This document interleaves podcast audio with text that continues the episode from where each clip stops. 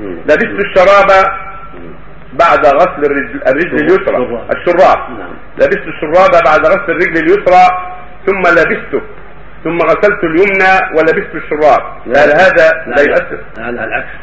هو مكتوب هكذا. يعني غسل اليمنى آه. ثم لبس الشراب ثم غسل اليسرى ولبس الشراب. أيوه. هذه عادة الناس. آه. نعم. فهل هذا يؤثر لا يؤثر في على كمال الطهارة أم لا؟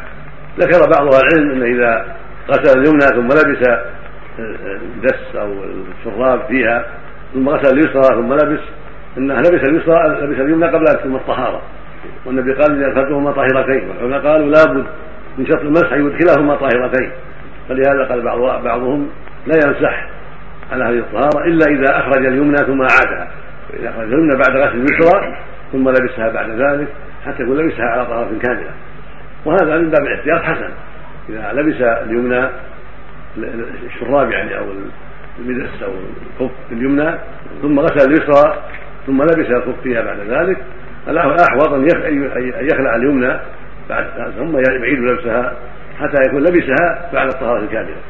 ولو لم يفعل فالصحيح أنه يجزي. اختاره شيخ الاسلام ابن وجماعه وقالوا إن الطهارة حين لبس اليمنى قد قاربت وهو في حكم الطاهر لأن في حكم الطاهر لأن الطهارة اتصلت وانتهت بسرعة وبطهارة كاملة فصح ذلك. لأنه ما بقي الا اليسير وغسل اليسرى فالطهاره الآن قد قاربت فإذا لبس اليمنى قبل غسل اليسرى فالطهاره مقاربه وقد انتهت على وجه شرعي في الحال وكملها في الحال فتصح. ولا حاجة إلى خلع اليمنى ثم لبسها ولكن إذا خلعها ثم لبسها حتى يخرج من الخلاف وحتى يكون يكون لبس اليمنى على طهارة كاملة فحسن حسن وفيه بعد عن الشبهة وعن الريب وعن الخلاف.